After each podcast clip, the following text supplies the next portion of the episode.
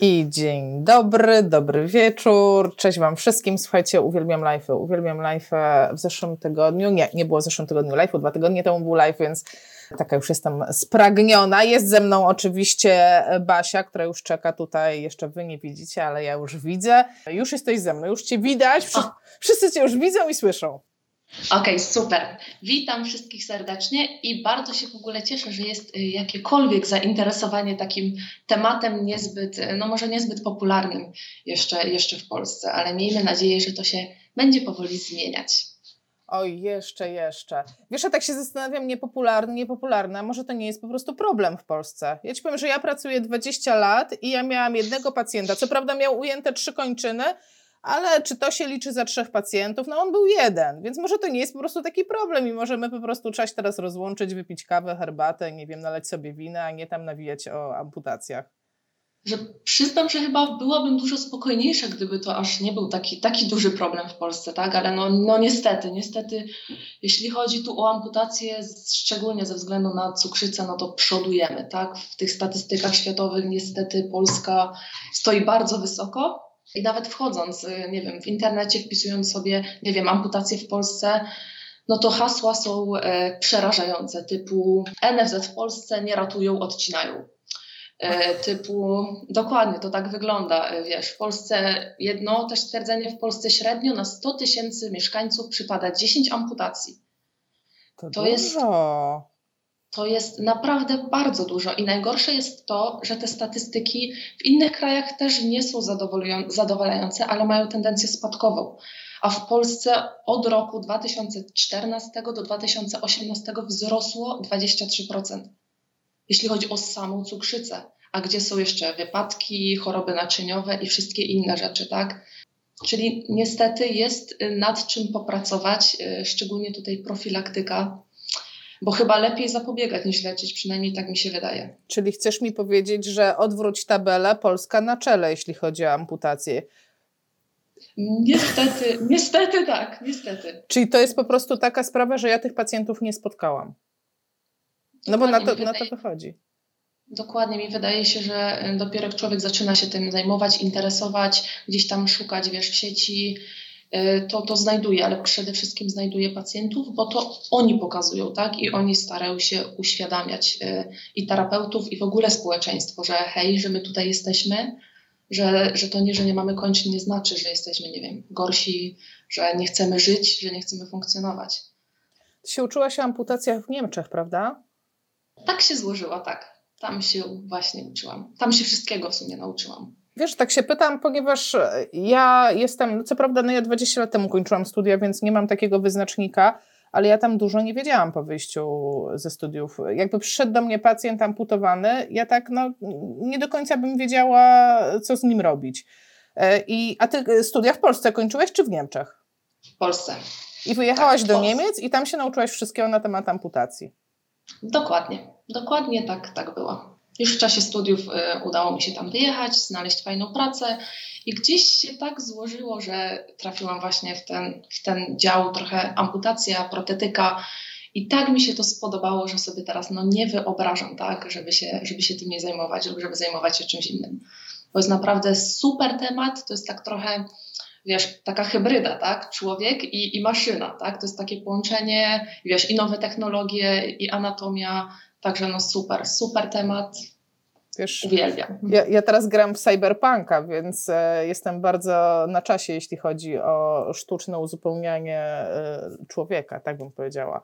Ci, którzy grają, to będą wiedzieć, tam mnóstwo wszczepów się robi e, postaci i im więcej masz wszczepów, tym bardziej jesteś cool, tam tytanowe kości, te sprawy. Ale to taka, wiesz, fantazja. A powiedz mi, jak to jest tak w realu? E, no bo, no bo tak się mówi, o, fizjoterapia w amputacjach, tak od razu widzimy te, te protezy, widzimy ten sport niepełnosprawnych i tak dalej, ale tak naprawdę kiedy jest ten taki pierwszy moment, kiedy ja już mam coś do zrobienia z tym pacjentem? Załóżmy, on przyjechał i wszystko jedno, co on tam miał, tak? Załóżmy, że jakaś, jaki jest najprostszy, e, najprostszy model, powiedzmy, amputacji? No bo rozumiem, że jak tam, nie wiem, ciężka rana, zmiażdżenie, no to gorzej, a jak jakaś standardowa, taka czysta, ładnie zrobiona kończyna, no to lepiej. Załóżmy, że mamy tą taką najlepszą, to kiedy jest taki pierwszy moment, kiedy ja wchodzę?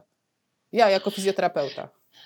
Tak naprawdę czasami zdarza się, że ja jako fizjoterapeuta już wchodzę, jak pacjent ma jeszcze kończyny. Wow. Tak, pacjent przychodzi do nas y, czasami i mówi: Muszę mieć amputację.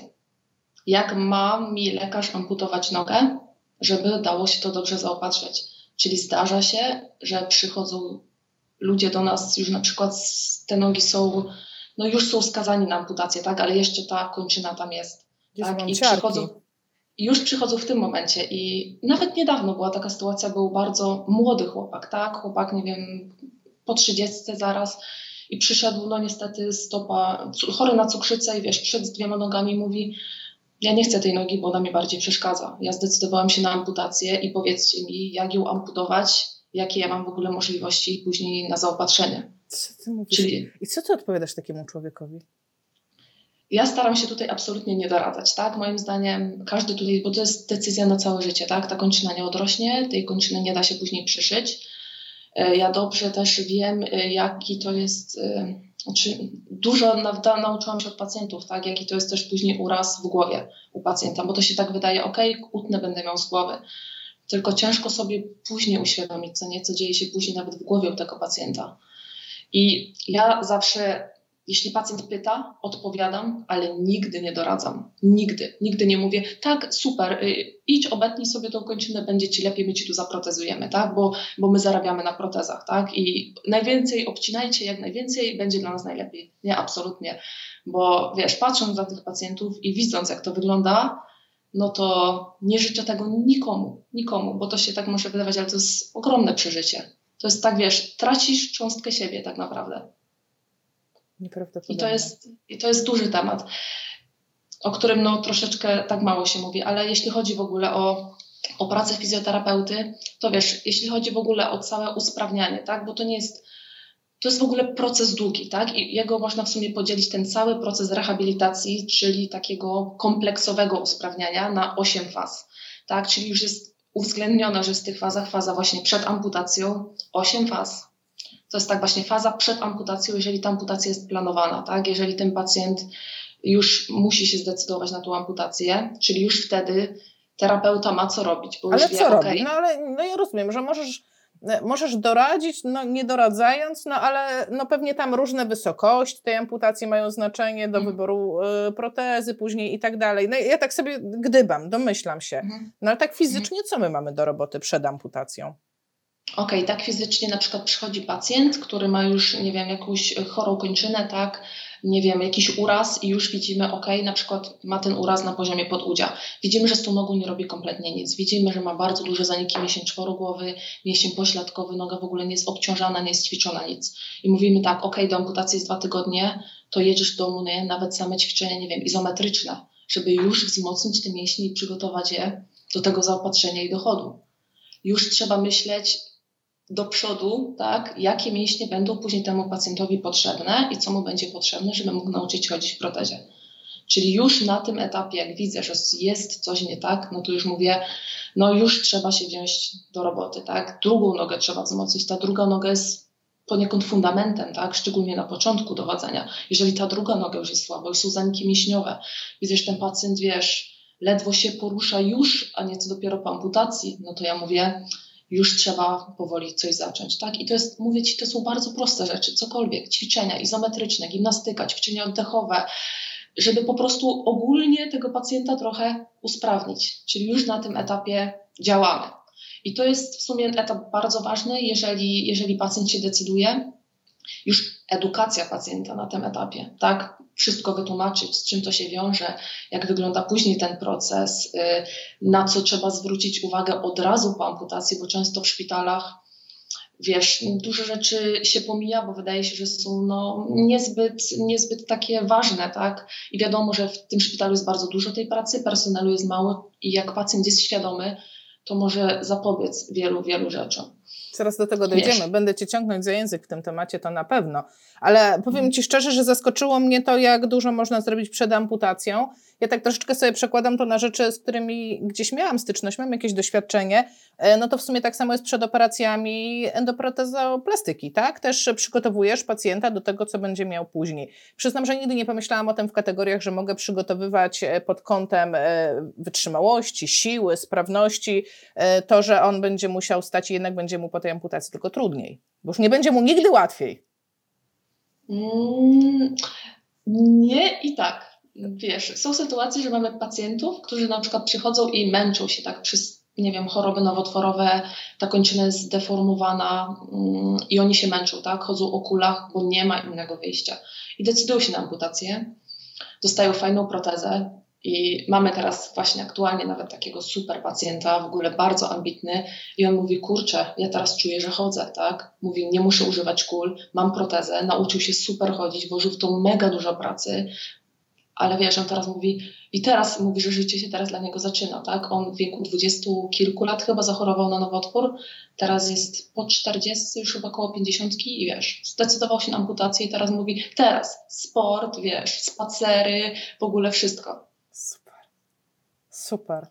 Czyli są też takie historie, tak? To, I to jest, myślę, że dlatego to jest aż taka, wiesz, fajna praca, bo, bo już no, samo to co się tam wszystko dzieje, to już tak człowieka zachęca, tak, żeby iść do pracy, żeby z tymi ludźmi pracować. Wiesz co, ale ja nie mogę wytrzymać. Powiedz mi, bo to jest dla mnie takie najbardziej takie i magiczne, i straszne, i pociągające po prostu wszystko w jednym.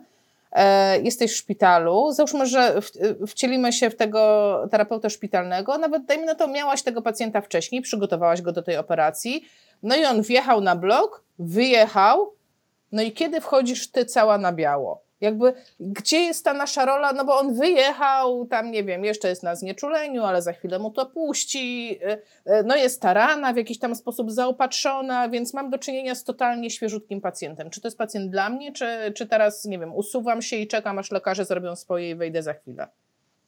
Pewnie, jak najbardziej. Już wtedy, w sumie operacja to jest jedyny etap, na którym fizjoterapeuta na którym fizjoterapeuty nie ma, tak? Tam jest lekarz, on decyduje, on wie najlepiej, jak amputować, w jakim miejscu, żeby wszystko było ok. I jak już pacjent wyjeżdża z sali y, operacyjnej, tak, już leży, przychodzi terapeuta i już pozycje ułożeniowe, tak, żeby nie doszło do przykurczu. Tak od Często... razu? Tak dojdzie do przykurczu? Tak, tak oj, tak, tak w trzy doby? To idzie bardzo szybko. Uwierz mi, że to idzie bardzo szybko i jeżeli często niestety w szpitalach podkłada się poduszeczki, tak? Żeby było wygodnie, żeby kończyna była ułożona nieco wyżej. Jak już takiemu pacjentowi się podłoży tą poduszeczkę i jego nic nie boli, to on już tej poduszeczki nie chce oddać. I on mówi, nie, nie, nie, tą poduszeczkę chcę, bo jest mi wygodnie. I jak go tak od początku przyzwyczajimy, to uwierz mi, że ten przykurcz to jest po prostu coś nieuniknionego. Musimy gdzieś jak podkładał tą poduszeczkę, podkładał, zależnie czy to jest amputacja na poziomie podudzia, wtedy podkładają pod kolano, tylko nie podkładają pod, pod udzie, tak, żeby jeszcze unieść pod udzie, tylko pod samo kolano, że to wiesz, kolano jest zgięte, dokładnie i ten kikut tam sobie w dół, w dół wisi. Jeżeli to z udo, to podkładają tutaj pod, pod udo poduszeczkę, udo też idzie do góry, czyli idealne warunki, żeby wyhodować pacjentowi przykurcz. Basia, ale to jest dokładnie to, co możemy im powiedzieć przed operacją. Hej, tak. nie daj sobie podłożyć nic, choćby było to nie wiadomo jak kuszące, ty mówisz nie, stop, dziękuję, ja leżę na płasko. Takie społdarze też, wiesz, ja zawsze mówię, mm. leżcie na płasko, chociaż troszkę, leżcie na płasko, bo wam się biodra przykurczą, będzie ciężko. To jest dokładnie ta sama sytuacja. Dokładnie. I przy kurcze, wiesz, u człowieka to praktycznie no, wiele chorób to idzie tak samo, tak? To jest organizm tak samo, niezależnie czy to jest udar, czy to jest amputacja, to jest człowiek, tak? Czyli tutaj, no niestety czasami nie możemy tego pacjentowi powiedzieć przed operacją, bo jeżeli to jest wypadek, to wiesz, nie mamy szans tego pacjenta spotkać wcześniej, my go dopiero spotykamy, jak już jest po wszystkim, tak? Czyli no tutaj przykurcz to to jest na pewno rzecz, która później bardzo utrudni reedukację chodu tak, zaopatrzenie w protezę. Ten pacjent będzie, nie będzie nigdy zadowolony z wyglądu protezy, z tego jak będzie chodził, będzie się bardzo męczył i to nie będzie dla niego w ogóle komfortowe.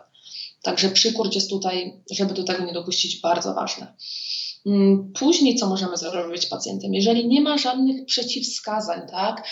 Jeżeli rana nie ma żadnego stanu zapalnego, nic złego się nie dzieje, możemy oczywiście, jeżeli lekarz pozwoli, nie wiem jak to tutaj wygląda w Polsce w szpitalach, jeżeli mamy na to czas, no to wchodzimy z drenażem limfatycznym, tak? Manualny drenaż limfatyczny. Pamiętajmy, że taki kikut po amputacji osiąga rozmiary czasami ogromne, tak? Czasami jak talia. Naprawdę? Tak, to czasami są, wiesz, obwody, że no ogromniaste. To jest tak jak, nie wiem, pięć, po pięciokrotnie większy niż, niż udo. I to jest normalne? Znaczy w sensie, czy, czy, czy gdybym miała podjąć dzisiaj pracę na e, oddziale, gdzie amputują, to mogę się spodziewać, że tych pacjentów naprawdę spotkam. Tych takich tak. opuchniętych. Tak, tak. Opuchlizna to jest normalne, tak? Po każdej operacji, operacji dochodzi do obrzęku. Wiadomo, że to dochodzi do przecięcia tkanek, naczyń limfatycznych, naczyń krwionośnych i ten obrzęk się tworzy. To w jakim tak obwodzie, to zależy bardzo dużo od pacjenta, od w ogóle, wiesz, całej historii chorobowej. Jeżeli pacjent jest bardzo poturbowany, jeżeli to jest wypadek, no te naczynia limfatyczne są też w innych częściach ciała wtedy uszkodzone i ten obrzęk osiedli zbiera i zbiera się przeważnie w kikucie. I jeżeli ten kikut zostanie bardzo długo taki obrzęknięty, to wpływa niekorzystnie i, i pacjent ma ból, bo wydaje mu się, że ta noga tak pulsuje, że po prostu zaraz wybuchnie. Może otworzyć się rana. Y, I ten pacjent ma już dość. Ale tako bardzo delikatny drenaż limfatyczny, pobudzimy układ y, limfatyczny do pracy, delikatnie dozowana kompresoterapia. Zawsze jest pytanie, kiedy bandażujemy, tak? No bo kiedy bandażować, rana jeszcze jest niewygojona, mm, co tu robić, no nie, no jak ta rana się otworzy, a boję się, nie wiem co robić. Ja jestem nauczona tak, bandażujemy tak wcześnie, jak to możliwe. Y, zależnie na przykład Czasami lekarze szyją zszywkami, tak? Idą takie zszyweczki, czyli jak są jeszcze zszywki, nie radziłabym bandażować, bo wtedy, wiesz, żeby jeszcze temu pacjentowi tych szywek gdzieś tam bardziej nie wciskać. Jak są szywki wyciągnięte, można bandażować, ale uwaga, dozowana terapia kompresyjna. To trzeba czyli umieć, tak, to trzeba jakiś kurs skończyć, nie? No dobrze byłoby skończyć kurs. Nie ukrywam, że dobrze bardzo jest skończyć kurs. Y, kompleksowej terapii przeciwzastojnowej, tak? Y, no w Polsce ten kurs jest troszeczkę okrojony, ale to jest super, tak? I to się przydaje dla, nie wiem, 80% pacjentów tak naprawdę, wszystkich, nie tylko po amputacjach. Żeby pacjentowi dobrze zabandażować kikut, to też trzeba, trzeba umieć.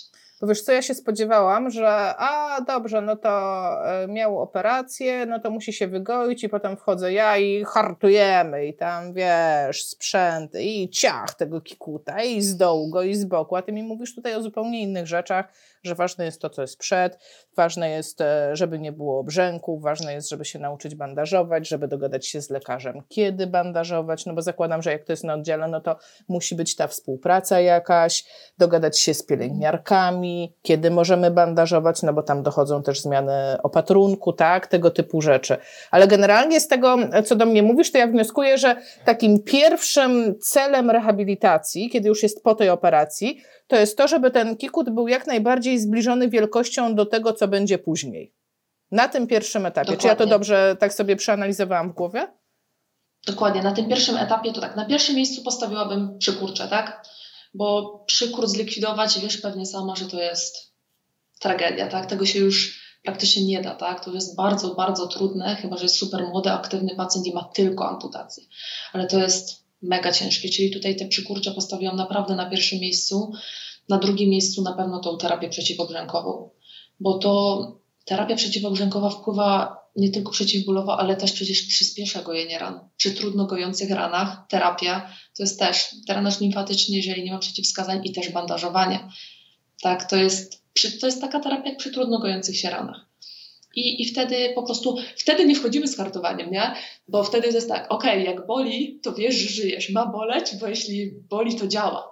Ale uwierz mi, że ci pacjenci w tym momencie mają taki ból i fizyczny, i psychiczny, że chyba nie ma potrzeby, żeby im jeszcze tego bólu dodawać.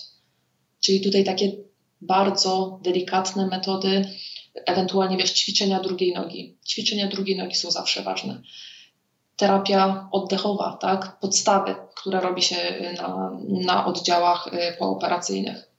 No, ale tak jak mam wybór, bo zaraz jestem pewna, że czę u części osób rodzi się takie pytanie, ok, skoro ważny jest drenaż e, i e, działanie przeciwobrzękowe i równocześnie ważne jest działanie przeciwko przykurczom, to co jest ważniejsze? No bo przeciwobrzękowo to noga w górę, czyli w zgięciu, a e, przeciw e, przykurczowo, no to noga na płasko. I tak jak ja rozumiem, to jednak noga na płasko, a z, e, a z tym drenażem radzimy sobie innymi sposobami. Po to jest to bandażowanie, po to są jakieś inne oddziaływania, drenaż i tak dalej. Co umiem, to robię, żeby, żeby, jednak, żeby jednak ta noga była w dobrej pozycji ułożeniowej. I jestem pewna, jestem pewna, że rodzą się pytania u części osób w głowie, no a przecież można go okleić, tak? Kinezjotaping taki właśnie, żeby tam wspomagający ten przepływ Masz jakieś zdanie na ten temat? Bo ja wiem, że to nie jest dobrze przebadane, dlatego, dlatego tak się pytam, czy masz jakieś zdanie, doświadczenia? E, zdarzało mi się tejpować pacjentów po amputacjach, ale nigdy, nigdy w pierwszym etapie, tak? Nigdy w tej fazie ostrej, bo jeżeli e, kikut jest bardzo obrzęknięty, to wiemy, jak e, przy kończynach obrzękniętych wygląda skóra. Ona jest tak cienka jak pergamin. Jeżeli tam jeszcze coś przykleimy, to mamy ryzyko, że z, tym, z tą tasiemką zejdzie skóra. Rany na kikucie goją się bardzo trudno. Czyli tutaj w pierwszym etapie, gdzie jest jeszcze obrzęk bardzo, bardzo duży, raczej bym tych kikutów nie, nie tejpowała, jeśli chodzi o taki tejpik limfatyczny. Tutaj widzę pytanie bardzo fajne od Adama. Jak często zmienia się opatrunek po operacji w pierwszych dobach i jak to jest z bandażowaniem? E, czy to cała doba, e, czy pielęgniarka zawija znowu, znowu jakby jak, jakie są procedury, na ile ten pacjent ma być zawinięty, jak to pogodzić ze zmianami opatrunku. Masz doświadczenie w tym, w tym temacie? Jeżeli chodzi o, o zmianę opatrunku, no tutaj decyduje przede wszystkim lekarz i pielęgniarka, tak? Oni są od tego specjalistami. My tutaj jako fizjoterapeuci chyba nie mamy nawet prawa, mi się wydaje, wtrącać się w takie rzeczy, bo to też nie należy do naszych e, zadań. Jeżeli chodzi o bandażowanie, e, ja zawsze zaczynałam stopniowo, tak? To nie może być, wiesz, na hura, na początku delikatnie, bardzo delikatnie na dwie godzinki maksymalnie lub nawet na godzinę. Przychodziłam, pytałam, czy wszystko w porządku. Jeśli w porządku, zostawiałam jeszcze lub odwijałam. Dałam trochę tej nocy, że tak powiem, odpocząć, później zawijałam znowu. Nigdy nie, nie, nie ma takiego czegoś, wszystko albo nic. Albo bandażujemy, albo nie. Nie, to tak nie wygląda. Tutaj trzeba, każdy pacjent jest też inny, pytamy pacjenta. Nigdy pacjent nie może odczuwać bólu, drętwienia, nie wiem, że ta noga nie może czuć, że jest zimna, że nagle jest tak zabandażowane, wiesz, że odcinamy dopływ krwi, albo jest tak zabandażowane, że wiesz, bandażujemy komuś taką typową e, taką kolbę, tak, że do góry bandażujemy mocno, na dole słabo i nagle rana się otwiera. Bo jeżeli źle zabandażujemy, możemy pacjentowi też spowodować, że rana się otworzy. Czyli tak. tutaj ta technika bandażowania no jest, jest ważna, tak? I tutaj ciężko mi jest odpowiedzieć, bo nie ma jednoznacznej odpowiedzi na to pytanie. Tutaj już trzeba, wiesz, pacjenta poznać, zobaczyć też, jakie ma choroby współistniejące, jakie ma urazy współistniejące, jakie są wskazania, jakie są przeciwwskazania. Podstawą jest dobry wywiad i dobre badanie, tak, żeby, żeby później działać. Dobrze. Zabandażowałam, drenowałam go, minęły, nie wiem, no 7 dni to co najmniej, no bo tak się przyjmuje, że 7 dni to jest to gojenie takie no ale kurczę, no, kiedyś musi nastąpić ta faza hartowania kikuta. No ja nie wierzę, że uczyli mnie i że tego się nie robi. Proszę, powiedz mi, że jest coś takiego jak hartowanie kikuta, albo po prostu powiedz mi, że nie mam racji i pójdę na jakiś kurs. Nie, oczywiście, oczywiście, że jest hartowanie kikuta, tylko nie na tym pierwszym etapie, bo to hartowanie kikuta no, nie należy na samym początku na pewno do zbyt takich, wiesz, przyjemnych. Ale hartowanie kikuta trzeba też odpowiednio dozować. Tak, wydajemy na to, że pacjent ma już wyciągnięte szwy, ta rana już się fajnie goi, jeszcze nie musi być całkowicie zagojona. I hartujemy kikuta. Hartujemy kikuta, czyli mówimy pacjentowi, kładziesz sobie rączkę na kikucie i sobie ten kikut delikatnie masujesz bardzo delikatnie w kierunku do ciała, żeby jeszcze pobudzić troszeczkę, wiesz, y, żeby limfa lepiej odpływała. I to jest najpierw na zasadzie albo bardzo miękki materiał, bardzo przyjemny do ciała, albo same ręce pacjenta, tak? On, najba- on najlepiej odczuwa to, kiedy go boli. W sumie to jeśli sobie dobrze edukujemy pacjenta, to tak naprawdę on może bardzo dużo zrobić za nas. Nie ukrywajmy tego. Jeżeli pacjent mówi, OK, nic mnie nie boli, tak, mogę sobie masować tymi rękami, jest super, nie odczuwam żadnego bólu możemy powiedzieć, ok, prosimy bardzo, żeby ktoś z rodziny przyniósł zwykłą taką gąbkę, wiesz, jak do kąpieli, najzwyklejszą. Pacjent bierze gąbeczkę i sobie też gąbeczką w ten sam sposób masuje ten kikut od szczytu do góry. I mówi, no ta gąbka jest taka trochę szorstka, ale też mnie nic nie boli. Ok, no to mówimy, proszę przynieść jakiś bardziej szorstki materiał, wiesz, są takie różne e, super, wiesz, Frotki. w ogóle Dokładnie, wiesz, w drogeriach cały ten zestaw do masażu, y, nawet ten antycelulitowy dla kobiet, te rękawice, gdzie są takie trochę bardziej szorstkie, mówimy, prosimy przynieść taką rękawicę. I pacjent sobie sam zakłada tą rękawicę i sobie hartuje ten kikut, tak? On sobie ten kikut masuje, masuje, masuje, zawsze, wiesz, y, w kierunku do ciała. I pacjent zawsze pyta, jak często mam to robić? Ja mówię tak, przynajmniej trzy razy dziennie, po 15 minut, to już mnie naprawdę zadowala. Bo jak powiesz pacjentowi, nie wiem, raz na godzinę, to on powie, no oszalała baba, tak? Ile ja tutaj będę, będę pracował, tak? Jeżeli robi trzy razy dziennie, najpierw 10 minut, później 15, później 20, to jest naprawdę super. Jeżeli pacjent później już ta szczotecz, już ta, wiesz, rękawica, szorstka już mówi, no nawet to mnie w ogóle nie boli, nic nie odczuwam. Mówimy, ok, kupić sobie można taką, mm, jak to się nazywa, taką piłeczkę z igiełkami, są takie iglaste. I tą iglastą piłeczką też lekko dociska pacjent i sobie masuje, masuje, masuje. I wtedy już jak pacjent mówi, no już nic nie czuję, tak? Klepie się po tym kikucie, uciskam sobie, no nic nie boli.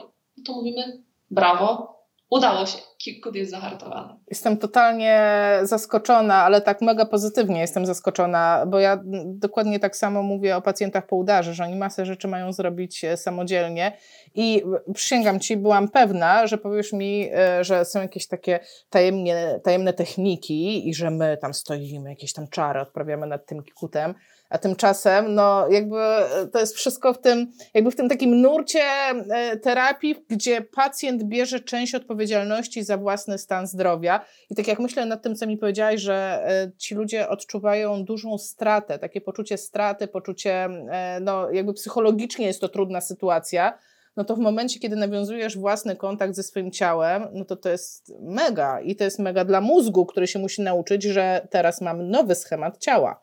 Tak patrzę, wiesz, jak zawsze od neurologii.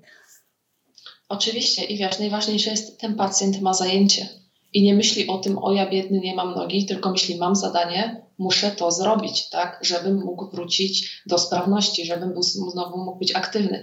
Wiesz, trzeba pacjentom zadawać zadania, tak, i niezależnie to jest amputacja, coś innego, bo człowiek, który nie ma celu i nie ma nic do zrobienia, no niestety, tak, to przeważnie nie kończy się dla niego, dla niego zbyt dobrze. Zdarza się, że ich boli? Zdarza się, że oni, e, no jakby, bo mówimy teraz o takim idealnym e, etapie, tak? Najpierw rączki, potem to odczulanie, to wszystko, prawda, że to takie było etapami i wszystko dobrze poszło. A zdarza się, że, że ten kikut od początku boli, że to jest, e, no generalnie, że ból jest dużym problemem w tej pierwszej fazie?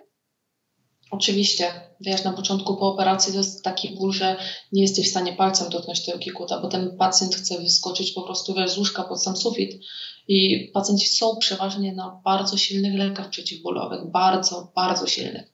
Tak, i tutaj też warto jest rozmawiać z lekarzem i konsultować, ok, na jakim etapie są te leki, bo to mi się wydaje, ok, nic go nie boli, to tam jedziesz z tym hardowaniem, jedziesz, ale się okazuje, że jego nie boli, bo jest tak nafaszerowany lekami, a co tam się dzieje w tej nodze? No nie wiadomo, bo jest tak ten pacjent otłumiony, że, że tak naprawdę nie wiadomo o co chodzi. Także tutaj no też trzeba zwrócić, no trzeba wziąć pod uwagę dużo rzeczy, tak, żeby przede wszystkim temu pacjentowi nie zaszkodzić. No ja mówię, że to pierwsza główna zasada przede wszystkim nie szkodzić. Jak czegoś nie wiemy, to czasami lepiej sobie trochę odpuścić niż robić na siłę. A jak mu mogę zaszkodzić? Powiedz mi, czy może się coś wydarzyć, jakby e, na co, gdyby, gdybyśmy, załóżmy, nie wiem, taki, taki hipotetyczny scenariusz, zachorowałaś, nie wiem, na COVID, mhm. strzelam i mówisz, ej Aśka, weź mnie zastąp. Ja, i, i, i wiesz, że ja po prostu szczawik, jeśli chodzi o amputację, idę do twojego pacjenta, to co mi powiesz? Tylko pamiętaj, tego nie rób, żebyś mu nie zaszkodziła. Okej, okay, mówimy zawsze pacjentowi tak, jak siedzimy i patrzymy, jak sobie tego kikuta hartuje, nie dopuścić do tego, pacjenci są czasami tak ambitni, że tak szorują te kikuty, że sobie ranę robią. Tak? To, to jest na pewno pierwsza rzecz, żeby pacjenta uświadomić, masujemy tak, żeby go nie bolało i żeby sobie nie zrobił ran. Druga rzecz, też hartowanie kikuta polega na tym, żeby czasami, wiesz, szczyt troszeczkę przyzwyczaić do tego obciążenia. Jestem czasami przerażona, mm, jak mi pacjenci opowiadają, tak, mm, gdzieś tam był i ktoś kazał mu stać na kikucie, tak? Tak wiesz, że, że obciążać, bo ten szczyt musi się przyzwyczaić. Tak, tak. No nie ukrywajmy, to jest kość, to jest ucięta kość. Tam wiesz, jest tkanka miękka i bo w protezie trzeba tak stać. No nie, protezy są tak budowane, że to obciążenie na szczycie, pacjent nie stoi na szczycie, jeżeli to nie jest kikut pełnooporowy. I tutaj jest znowu różnica, kiedy można obciążać kikut w pełni, a kiedy nie. I mamy, wiesz, amputację, gdzie jest kikut pełnooporowy, czyli to są wyłuszczenia, kiedy jest, wiesz, niepełnooporowy, czyli to są no, amputacje, czyli przecięcie kości. I tutaj takich rzeczy absolutnie, jeżeli to nie jest, wiesz, e, kikut pełnooporowy, nigdy nie każemy pacjentowi, nie wiem, kikutem stanąć na leżance i unosić drugą nogę, bo to może się bardzo źle skończyć, tak? To po prostu, wiesz, kość przybija tkanki. Jezu, ja, mam, nie, ja w ogóle nie mogę o tym myśleć nawet. No ale to wiem, z, to mam napisane na karcie, jaka była e, amputacja, tak? To tutaj mhm, się nie tak. pomylę. Czyli jeśli mam wyłuszczenie w stawie, to będzie bezpiecznie, żeby się podparł na tej kończynie, mhm. a jak mam e, przeciętą kość, to nie będzie bezpiecznie. Tak, żeby tak, wiesz, takie ogólne gdzieś tam ramy. Okej. Okay. Dokładnie, tylko to też trzeba dozować, tak? Bo tych pacjentów też to na początku, no wiadomo, boli, tak? Takie wiesz, mm, obciążanie troszeczkę tego kikuta, takie nie wiem, 15-20% wagi ciała nie zaszkodzi mu, tak? Jeżeli go nic nie boli. Nigdy, nigdy nie powodujmy, że ci pacjenci jeszcze mają przez nas ból, tak? Że coś ich boli, bo to jest no, dla mnie najgorsze, tak? Że ci pacjenci już mają y, bardzo dużo się ocierpieli i jeszcze my jako ci źli przyjdzie ta pani fizjoterapeutka i tu mnie tak męczy, tak mi wszystko boli, a więcej do niej nie pójdę. Tak, wiesz, ja się no z Tobą zgadzam.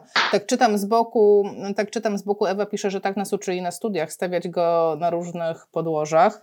E, no więc właśnie dlatego robimy takie live'y, żeby aktualizować wiedzę i, i żeby tak jakby no, nasi pacjenci dostawali lepszą terapię.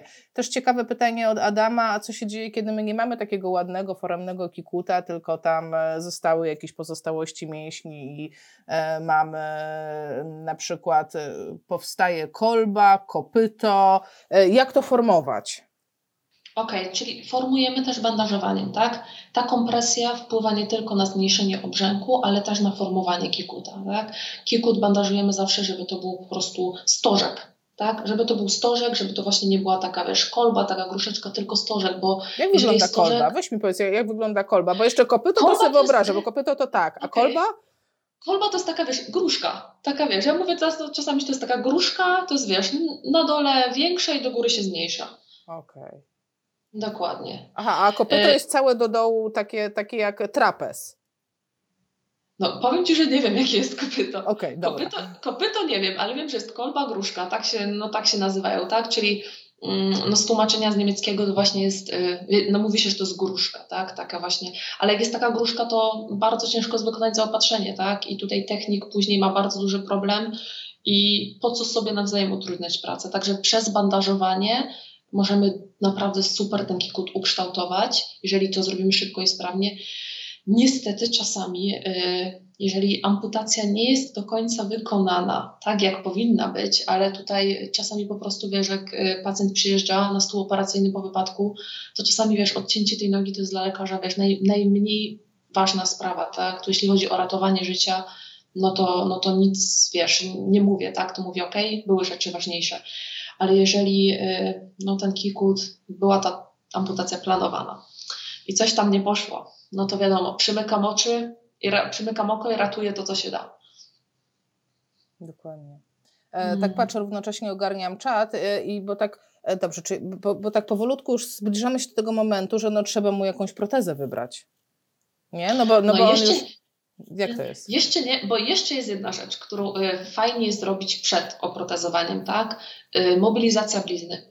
Terapia blizn to też jest bardzo duży temat, też bardzo ważne, jeżeli ten pacjent ma te blizny, czasami są duże ze zbliznowacenia, dobrze jest te blizny po prostu mobilizować, tak? Dozowana mobilizacja, żeby po prostu ta blizna była, była po prostu ruchoma, tak? Żeby nie była wrośnięta, bo jeżeli my tej blizny pacjentowi nie zmobilizujemy, to zmobilizuje mu tą bliznę proteza ale to będzie bardzo bolesne, bo to będzie się po prostu w trakcie chodzenia naciągało, naciągało i zrywało.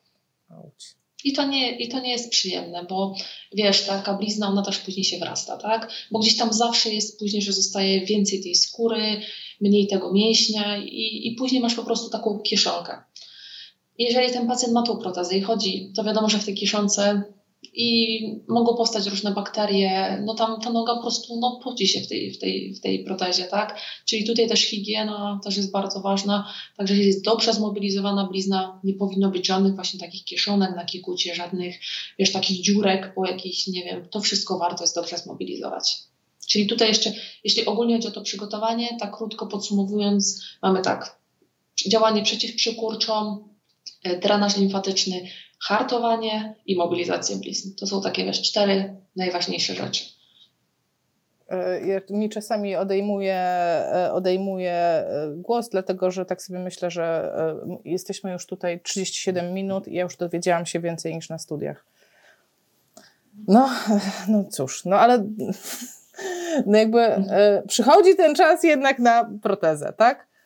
Pomobilizowałam, mam ten ładny, znaczy właśnie, właśnie teraz pytanie, czy czekam, aż kikut będzie idealny, czy najpierw jest proteza, a potem dokończanie idealnego kikuta? Jakby jak to się w czasie rozkłada? No bo ten jakby czas leci, pacjent już wychodzi gdzieś tam do domu, już on nie będzie znowu trzy miesiące leżał w szpitalu, tak sobie, tak sobie wyobrażam, tak? No a gdzieś tam już tą, mhm. tą rehabilitację trzeba ciągnąć dalej. Jak to wygląda? Najlepiej jest, jak już pacjenta mamy na oddziale, tak? Mamy pacjenta na oddziale i on już wie, ok, jest potencjał, on chce mieć protezę.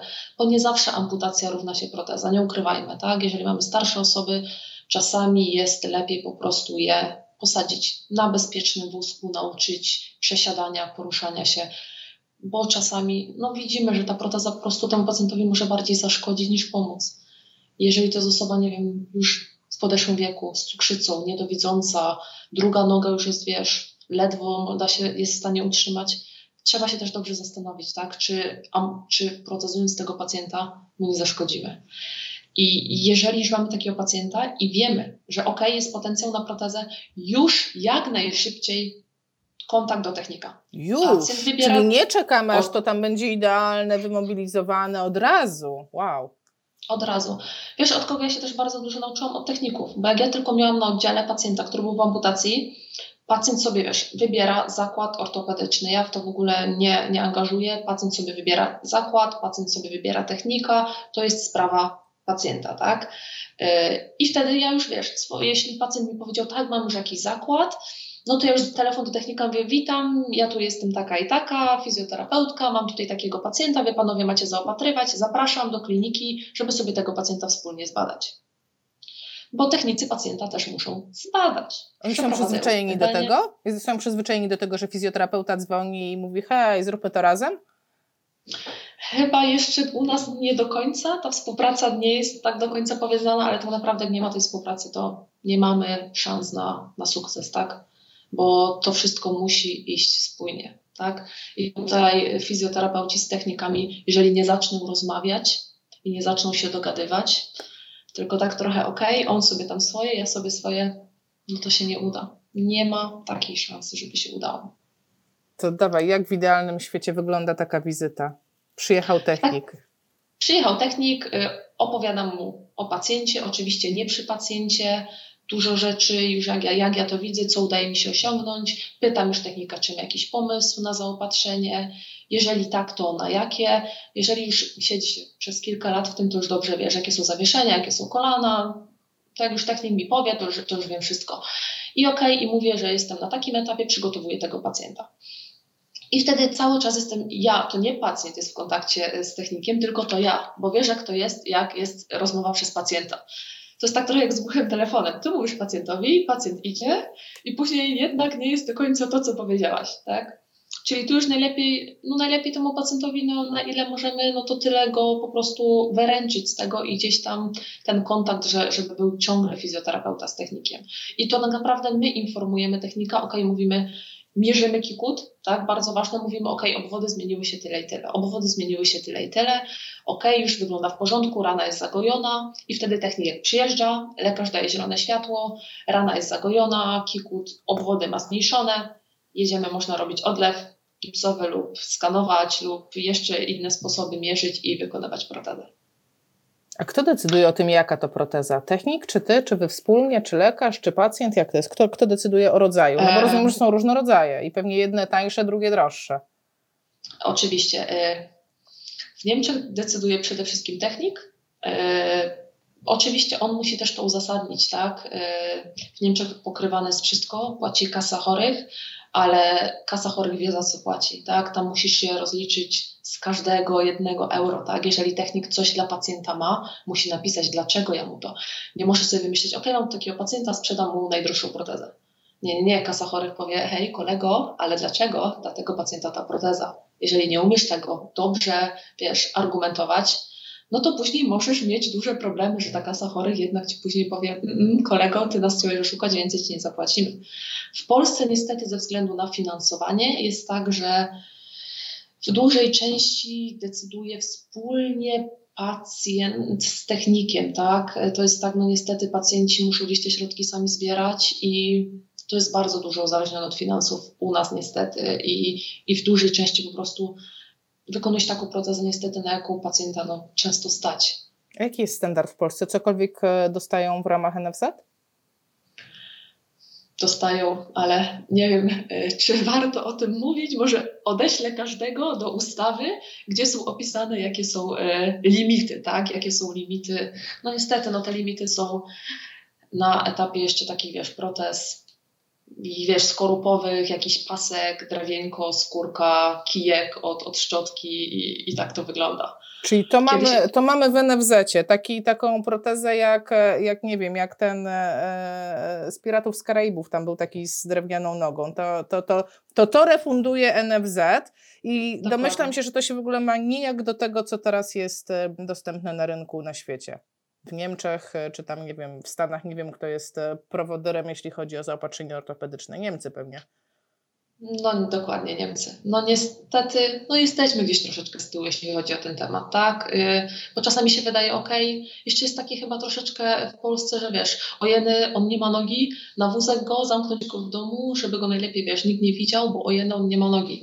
Taki jeszcze troszeczkę, starsze osoby się wstydzą ciągle tego, wiesz, dla nich najważniejsze jest pokrycie kosmetyczne, żeby, wiesz, nikt nie zobaczył, że nie mają nogi. Młodzi ludzie na szczęście już mają wiesz, to gdzieś y, chodzą na super protezach cały rok, 12 miesięcy w roku w krótkich spodenkach. Bo wiesz, on mówił, przychodzi chłopak młody i mówi, ja mówię, zima jest w krótkich spodenkach, no przecież mi nogi nie marzną. No tak. No ma rację. No, Tutaj różne głosy są na czacie, wiesz, NFZ plus PCPR i już jest nieźle. Nie wiem ile PCPR mhm. daje, ale pewnie to w procentach, nie? Oni tam procentowo dają.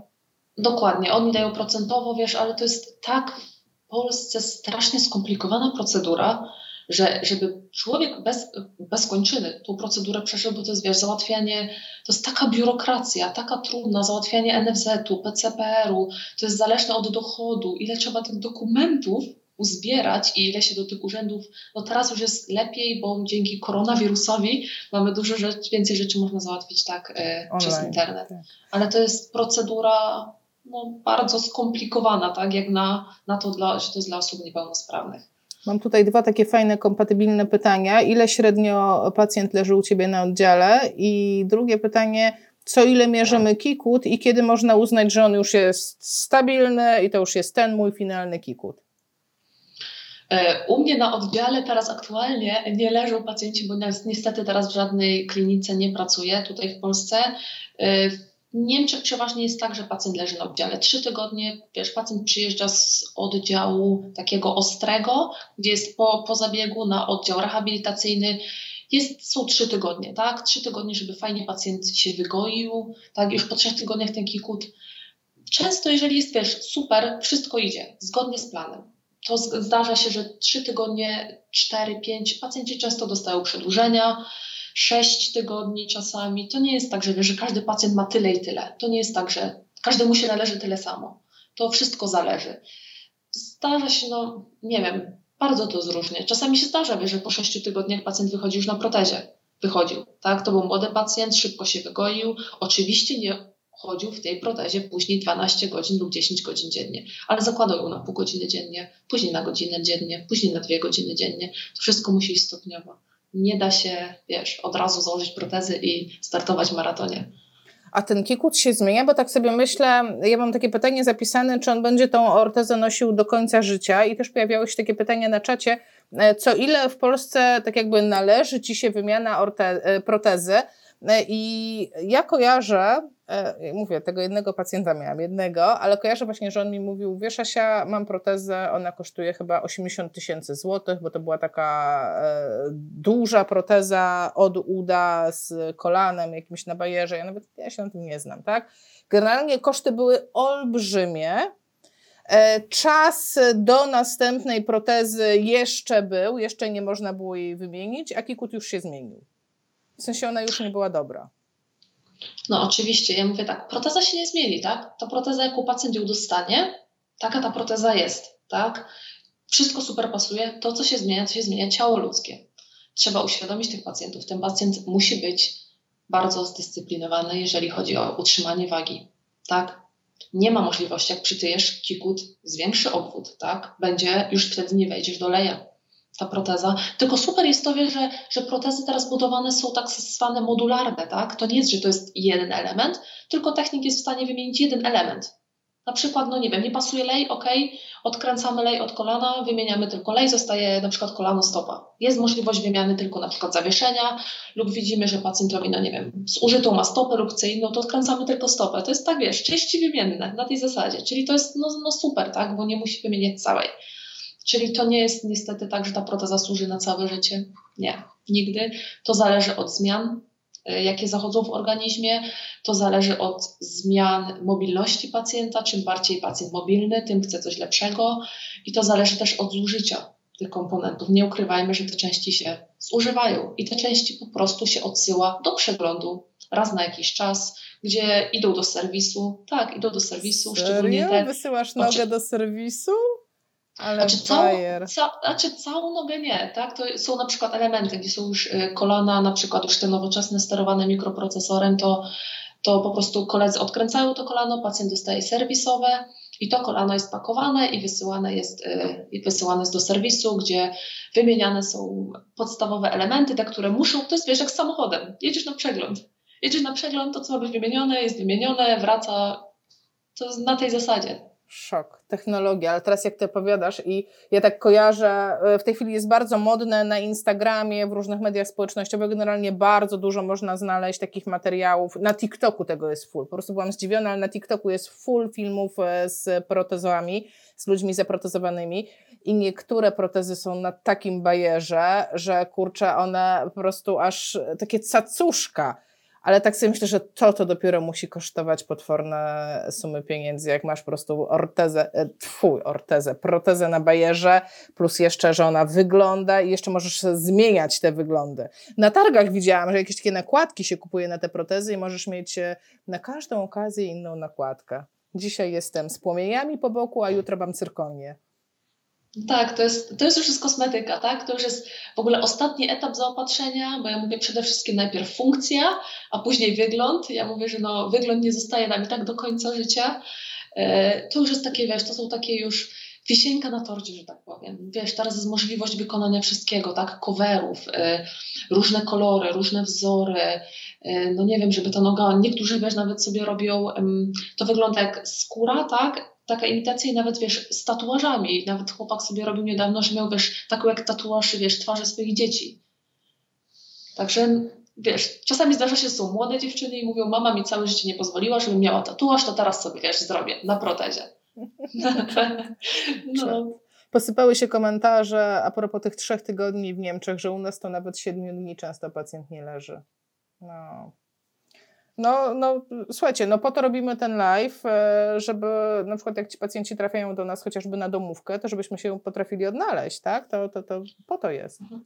Oczywiście i ja też bardzo dużo pacjentów, którzy przyjeżdżają na konsultację, z którymi mam kontakt, mówią tak, mamy rehabilitację, pani przyjeżdża do mnie do domu.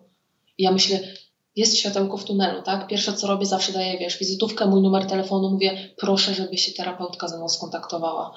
I dzięki Bogu dzwonią, tak? Dzwonią coraz częściej i kontaktują się i pytają i bardzo się z tego cieszę, bo, no nie wiem, nie jestem w stanie do każdego pacjenta jeździć, tak, to nie wiem, musiałabym się rozdwoić, rozstroić i nie ukrywam, że byłoby cudownie, tak, bo często pacjenci są z drugiego końca Polski i mówią, ok, ale ja mieszkam tak daleko, no gdzie ja mam iść, tylko może mi Pani kogoś polecić, a ja mówię, no jeszcze nie, tak, jeszcze nie, ale byłoby cudownie, wiesz, gdyby w każdym rejonie Polski było kilka takich osób, że mogę powiedzieć, tak, z czystym sumieniem, niech Pan idzie tutaj i tutaj, tu się Pan dobrze zaopiekuje. Słuchajcie, to jest pole po prostu, to jest pole do popisu. Jak pracujecie z amputacjami, zapraszam na grupę fizjopozytywną. Możemy założyć wątek. Pracuję, kocham amputację i tam będą osoby zebrane. Dla mnie to jest w ogóle super. Ja, się, ja chciałam się Ciebie jeszcze zapytać o taką rzecz, bo Ty powiedziałaś, że okej, okay, zakładamy mu protezę, ale to jest tak, że stopniowo on chodzi najpierw tam pół godziny, potem godzinę, dwie godziny i tak dalej.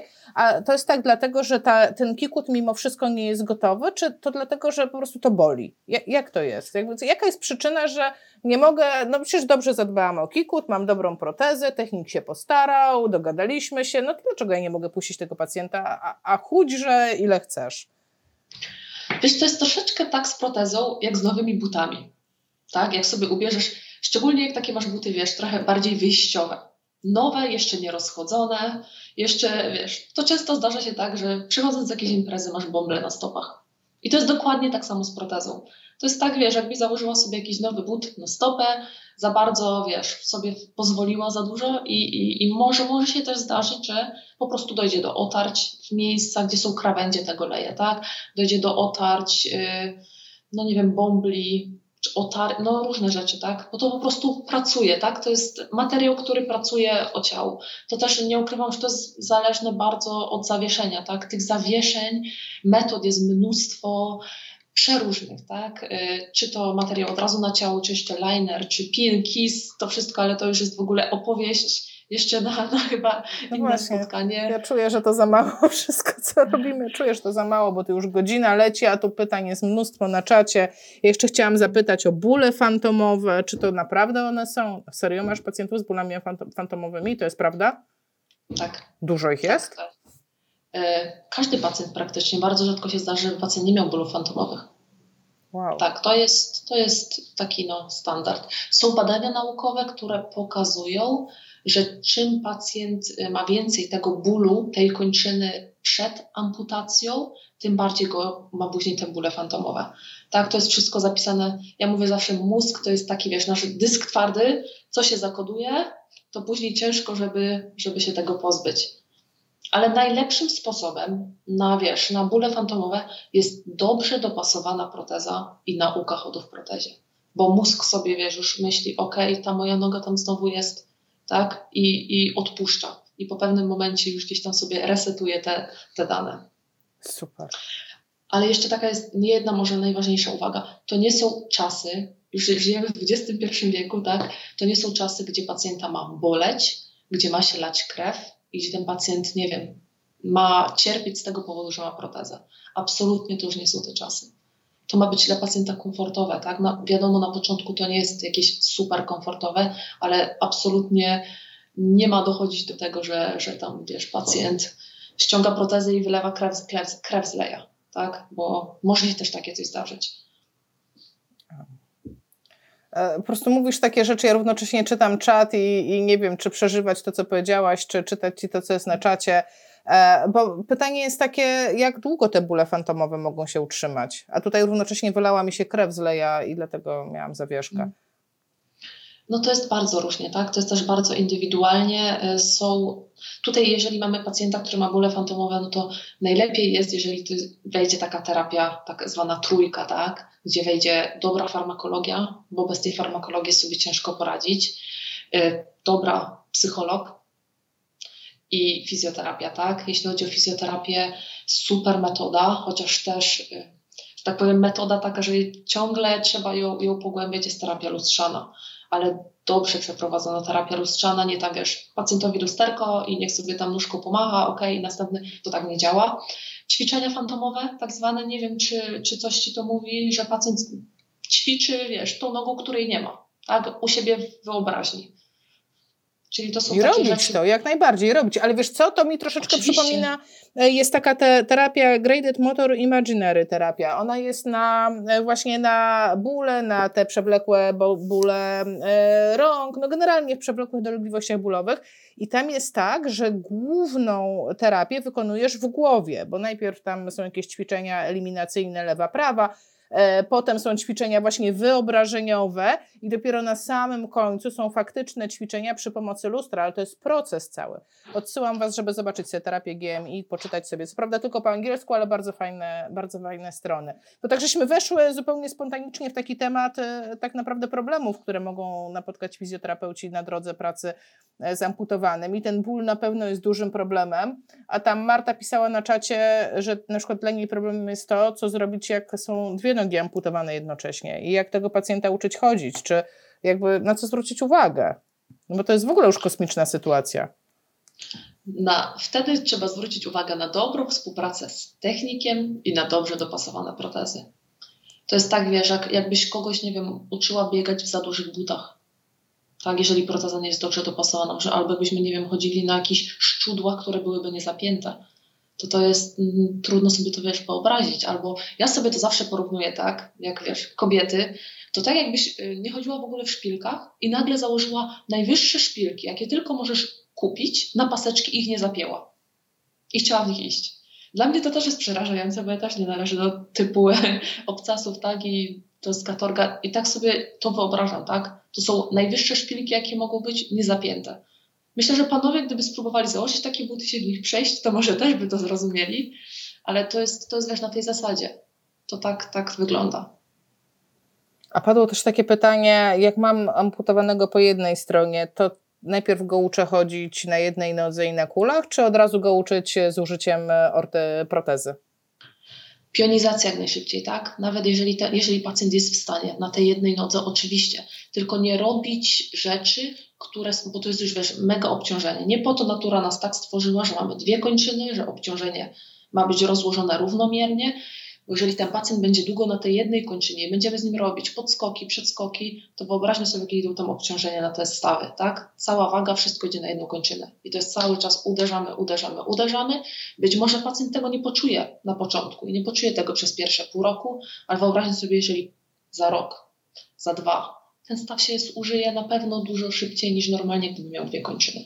Także wszystko no z głową, tak? I pomyśleć, nie teraz co robimy z pacjentem, tylko pomyśleć, ok, co będzie za miesiąc, co będzie za pół roku, co będzie za rok, bo ten pacjent będzie potrzebował opieki do końca życia. Pamiętajmy też, ta kończyna nie odrośnie.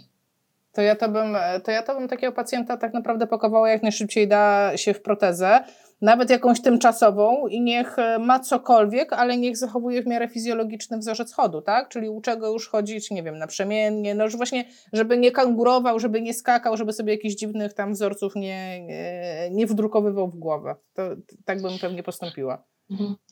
No, może bym powiedziała tak, nie na byle jaką od razu protezę, tak? Bo często te protezy niestety bardzo podstawowe zarażają pacjentów tak do zaopatrzenia, że nie chcą o protezach więcej słyszeć. Jeżeli ta proteza jest naprawdę wykonana średnio i temu pacjentowi ta proteza, wiesz, porościna nogę i nie wiadomo co to mówi proteza, absolutnie raz miałem, więcej nie chcę.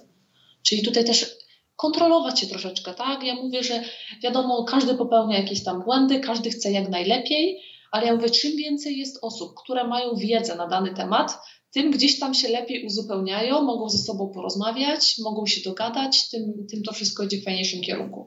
No ja mam to szczęście, że trafiam zawsze na, wiesz, na, na super, tak, super kolegów z pracy. Nie ukrywajmy, że protetycy są też w większości mężczyzny, chociaż zdarza się też y, coraz więcej kobiet.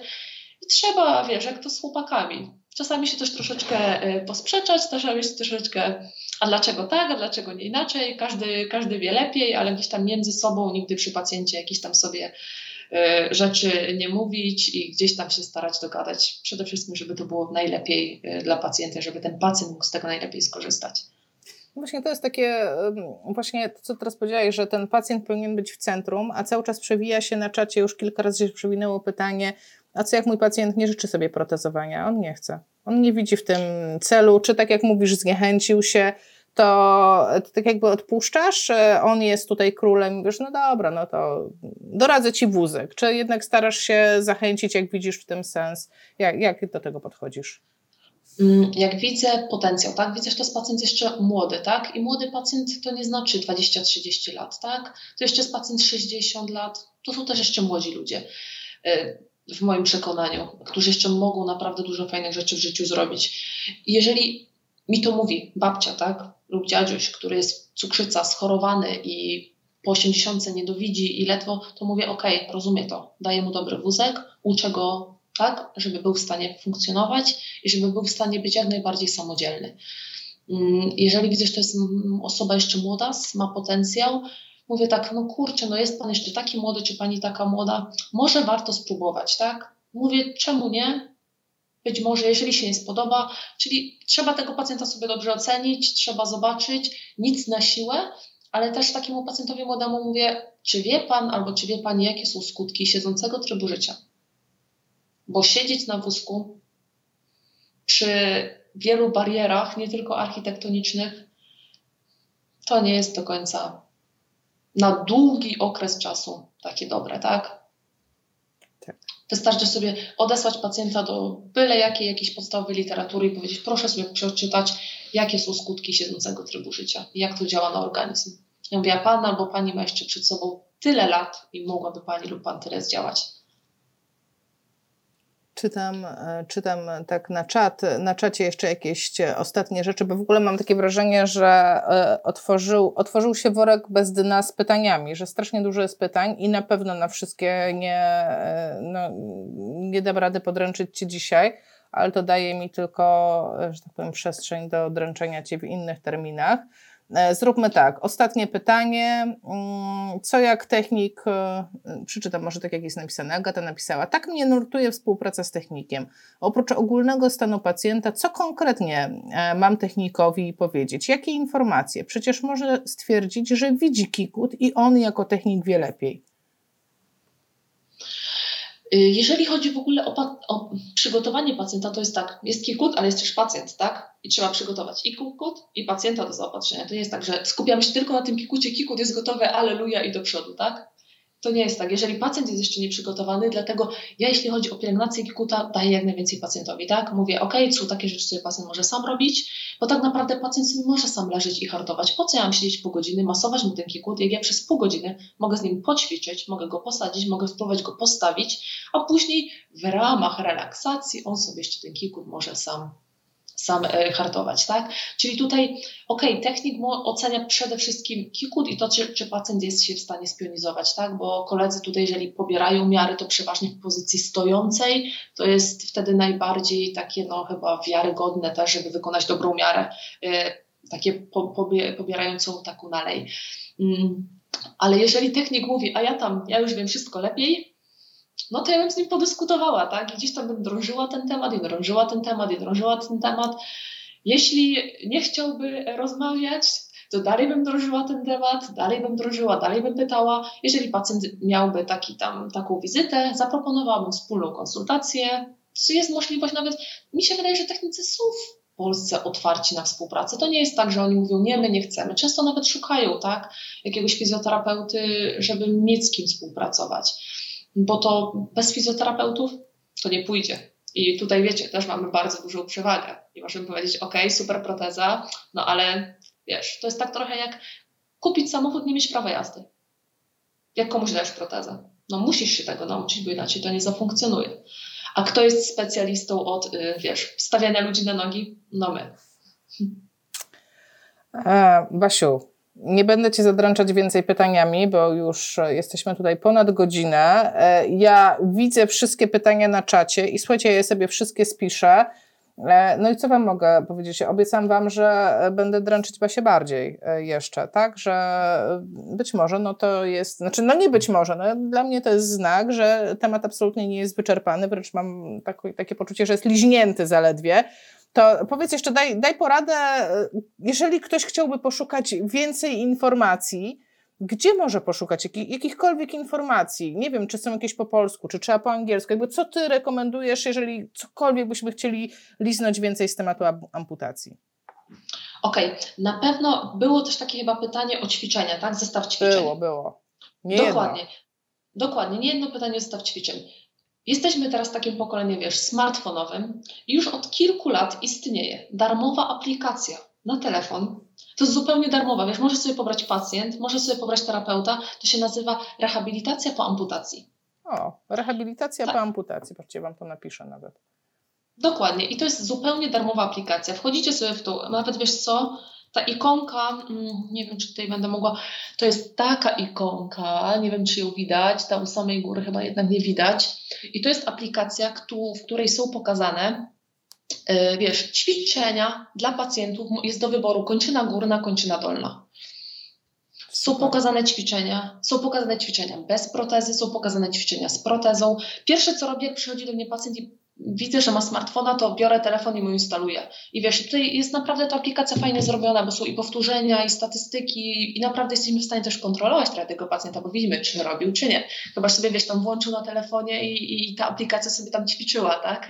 A on sobie siedział i oglądał telewizję. Ale to jest rzecz taka, że, że ci pacjenci są zmobilizowani do tego, tak? Myślą, kurde, mam tu aplikację, no to poćwiczę, nawet to 5 minut dziennie.